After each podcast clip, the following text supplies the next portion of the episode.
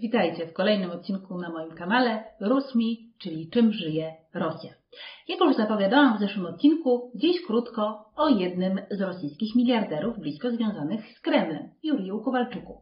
Trzeba pamiętać, że rosyjscy miliarderzy nie wzięli się w Rosji deus ex machina. Często są starymi przyjaciółmi Putina z okresu petersburskiego, na przykład należeli do wspólnej kooperatywy Oziero, albo też są kolegami z maty, z którymi Putin trenował sambo, czyli sztukę walki łączącą judo i regionalną odmianę zapasu.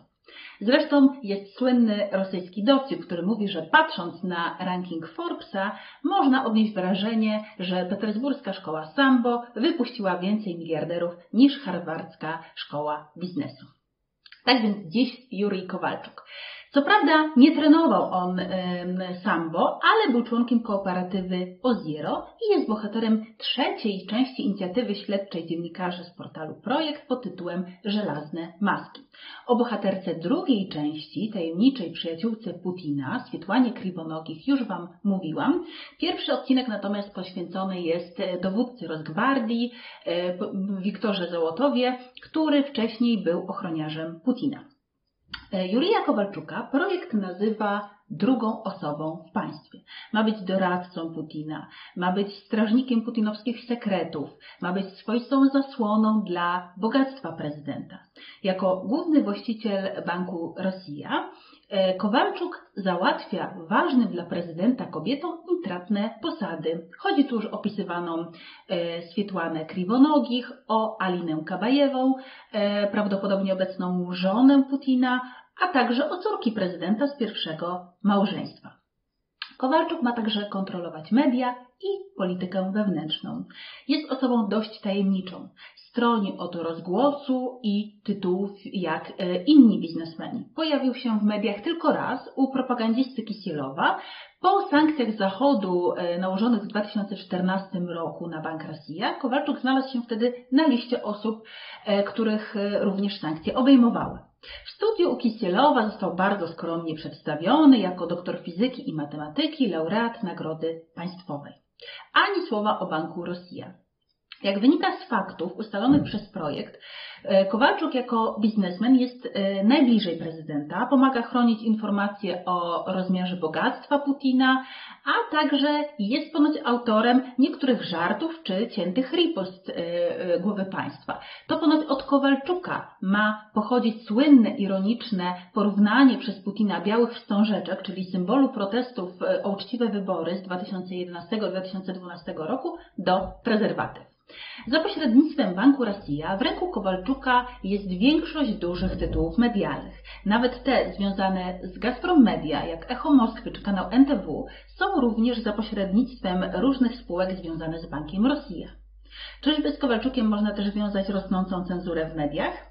Tego dokładnie nie wiemy ale autorzy śledztwa wspominają, że parę lat temu jedna z rosyjskich struktur medialnych, Nacjonalna Jamedia Grupa, tu też jest dobry e, moment, żeby wspomnieć, że przewodniczącą Rady Dyrektorów tej struktury jest Alina Kabajewa, prawdopodobnie żona Putina. Więc e, Nacjonalna Jamedia Grupa, której głównym akcjonariuszem jest Bank Rosja, z okazji Nowego Roku kilka lat temu wręczyła Kowalczukowi bardzo symboliczny i wymowny prezent. Kopię dekretu Katarzyny Wielkiej 1796 roku o wprowadzeniu cenzury w Imperium Rosyjskim. Kowalczuk jest też głównym graczem na Krymie. W ciągu ostatnich czterech lat Bank, Bank Rosja stał się największym ubezpieczycielem krymskim e, zarówno w sektorze e, prywatnym, e, komercyjnym, jak i, jak i jakby regionalnym. Kredytuje stocznie flody czarnomorskiej, sieć energetyczną Ministerstwa Obrony w Sewastopolu i wiele kluczowych kompanii, przedsiębiorstw zajmujących się na przykład produkcją wina posiada 20% akcji lotniska w Symferopolu.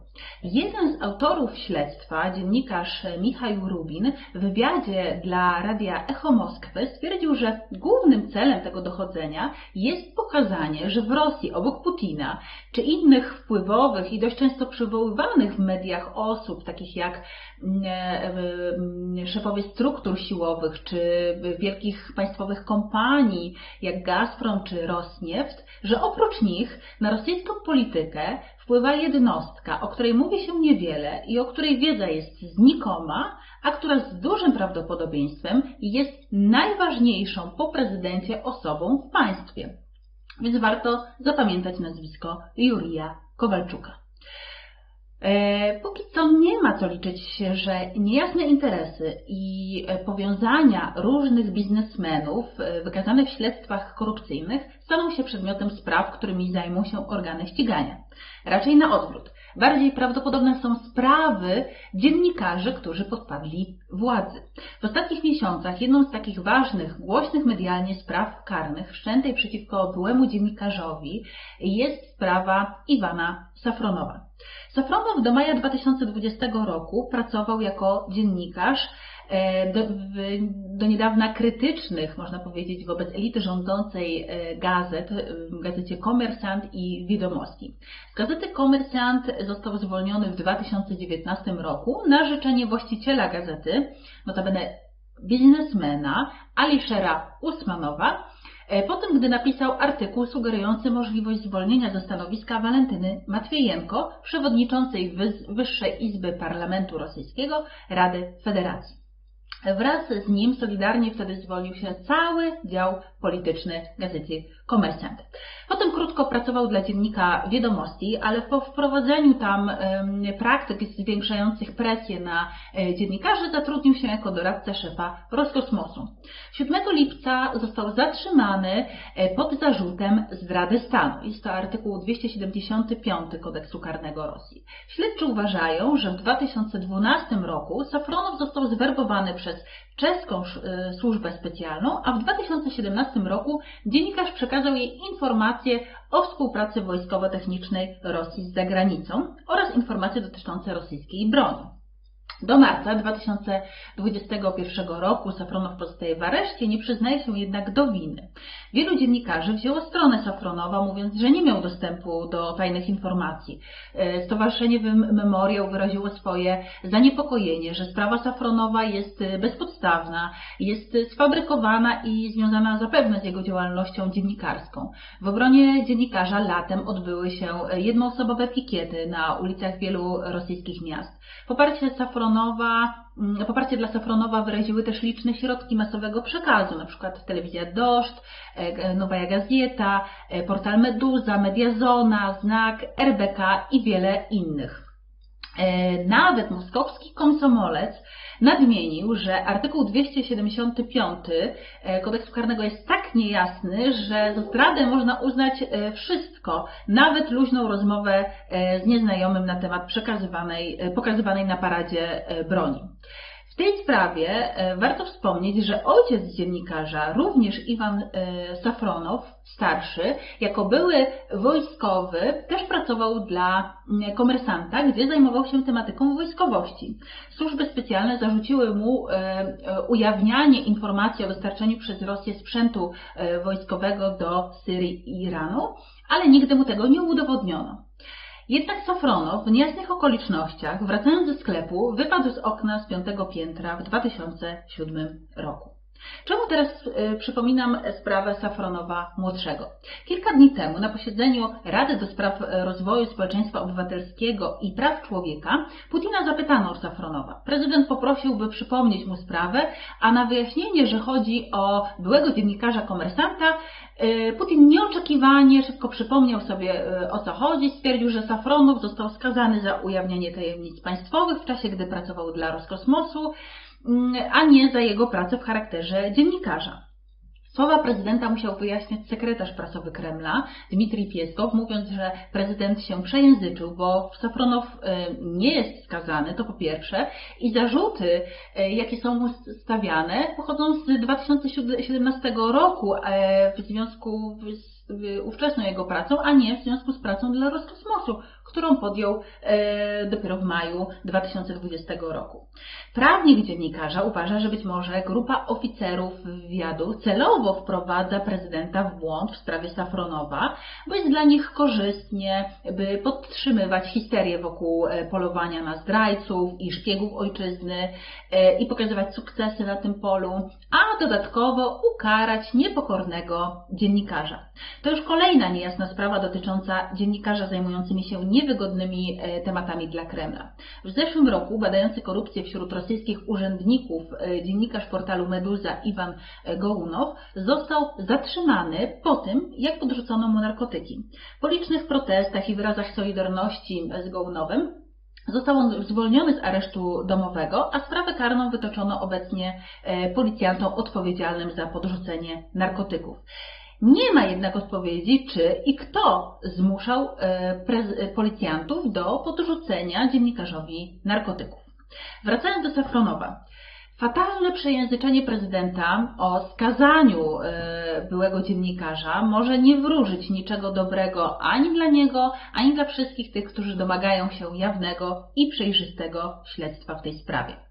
A zmieniając kierunek z polityki wewnętrznej na zagraniczną, możemy powiedzieć, że również niczego dobrego e, nie mogą przynieść aroganckie wypowiedzi pod adresem byłych republik radzieckich, wypowiedziane przez deputowanych rosyjskiej Dumy Państwowej. A taka wypowiedź miała miejsce 10 grudnia e, w, w, programie na pierwszym kanale e, pod tytułem Wielka Gra. Współprowadzący i deputowany Dumy Państwowej Wiaczesław Nikonow, prywatnie wnuk e, Wiaczesława Mołotowa, tego paktu Ribbentrop-Mołotow, Wspominając rocznicę podpisania porozumień białowieskich w 1991 roku, omówił, które z byłych republik radzieckich i krajów strefy wpływów Związku Radzieckiego pojawiły się dzięki Rosji. Powiedział tak, Kazachstan po prostu nie istniał, północny Kazachstan w ogóle nie był zaludniony.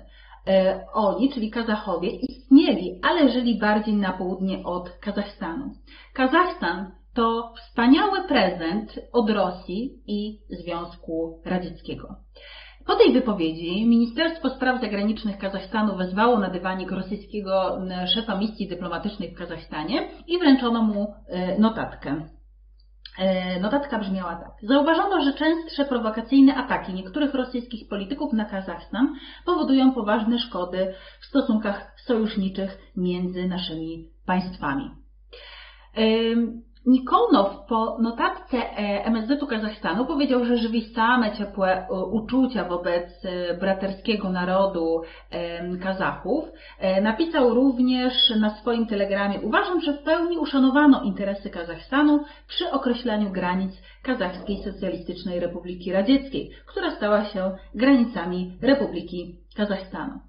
E, w radiu Echo Moskwy politolog i znawca Azji Centralnej Arkady Dubnow e, powiedział, że Kazachstan od dawna zdaje sobie sprawę, jak postrzegany jest przez rosyjską elitę rządzącą tzw. Tak rosyjski świat na obszarze poradzieckim i że ochrona o rosyjskojęzycznych, przykład we wschodniej Ukrainie, może pewnego dnia przekształcić się w ochronę Rosjan w północnym Kazachstanie. W Kazachstanie takie wypowiedzi zawsze będą budzić poważne nastroje antyrosyjskie, zwłaszcza wśród młodego pokolenia, które traktuje suwerenność dzisiejszego Kazachstanu jako oczywisty fakt, a takie wypowiedzi odbiera jako zamach na integralność terytorialną Kazachstanu, powiedział Dubnow. Takie wypowiedzi jak ta Nikonowa, nawet jeśli arogancki wydźwięk był niezamierzony, to dobrze one odzwierciedlają zakotwiczony w świadomości rosyjskiej stosunek do obszaru poradzieckiego, traktowanego jako swoja, rosyjska strefa wpływów i którego państwa e, wszystko lub wiele zawdzięczają życzliwości Rosji i swoją wdzięczność powinny okazywać na każdym kroku. Taka narracja e, nie pozwala dostrzec w tych e, krajach samodzielnych podmiotów i z czasem, mimo wciąż dużej zależności od Rosji, ta rosyjska postawa wyniosłego starszego brata może coraz bardziej przekształcić, e, przeszkadzać i to mm, nie tylko elicie tych krajów, ale co gorsza zwykłym obywatelom. E, dziękuję za wysłuchanie tego odcinka. Następny odcinek nagram już po zapowiadanej corocznej konferencji prasowej Władimira Putina, która odbędzie się 17 grudnia. W sieci już krążą dowcipy na ten temat. Jednym z nich jest Niedługo odbędzie się coroczna konferencja prasowa Władimira Putina. Odpowiedzi prezydenta na e, spontaniczne pytania dziennikarzy można już przeczytać na stronie z dowcipami anegdoty.ru. Dziękuję za uwagę. Zapraszam do subskrybowania mojego kanału, do zadawania pytań pod każdym odcinkiem i do zobaczenia.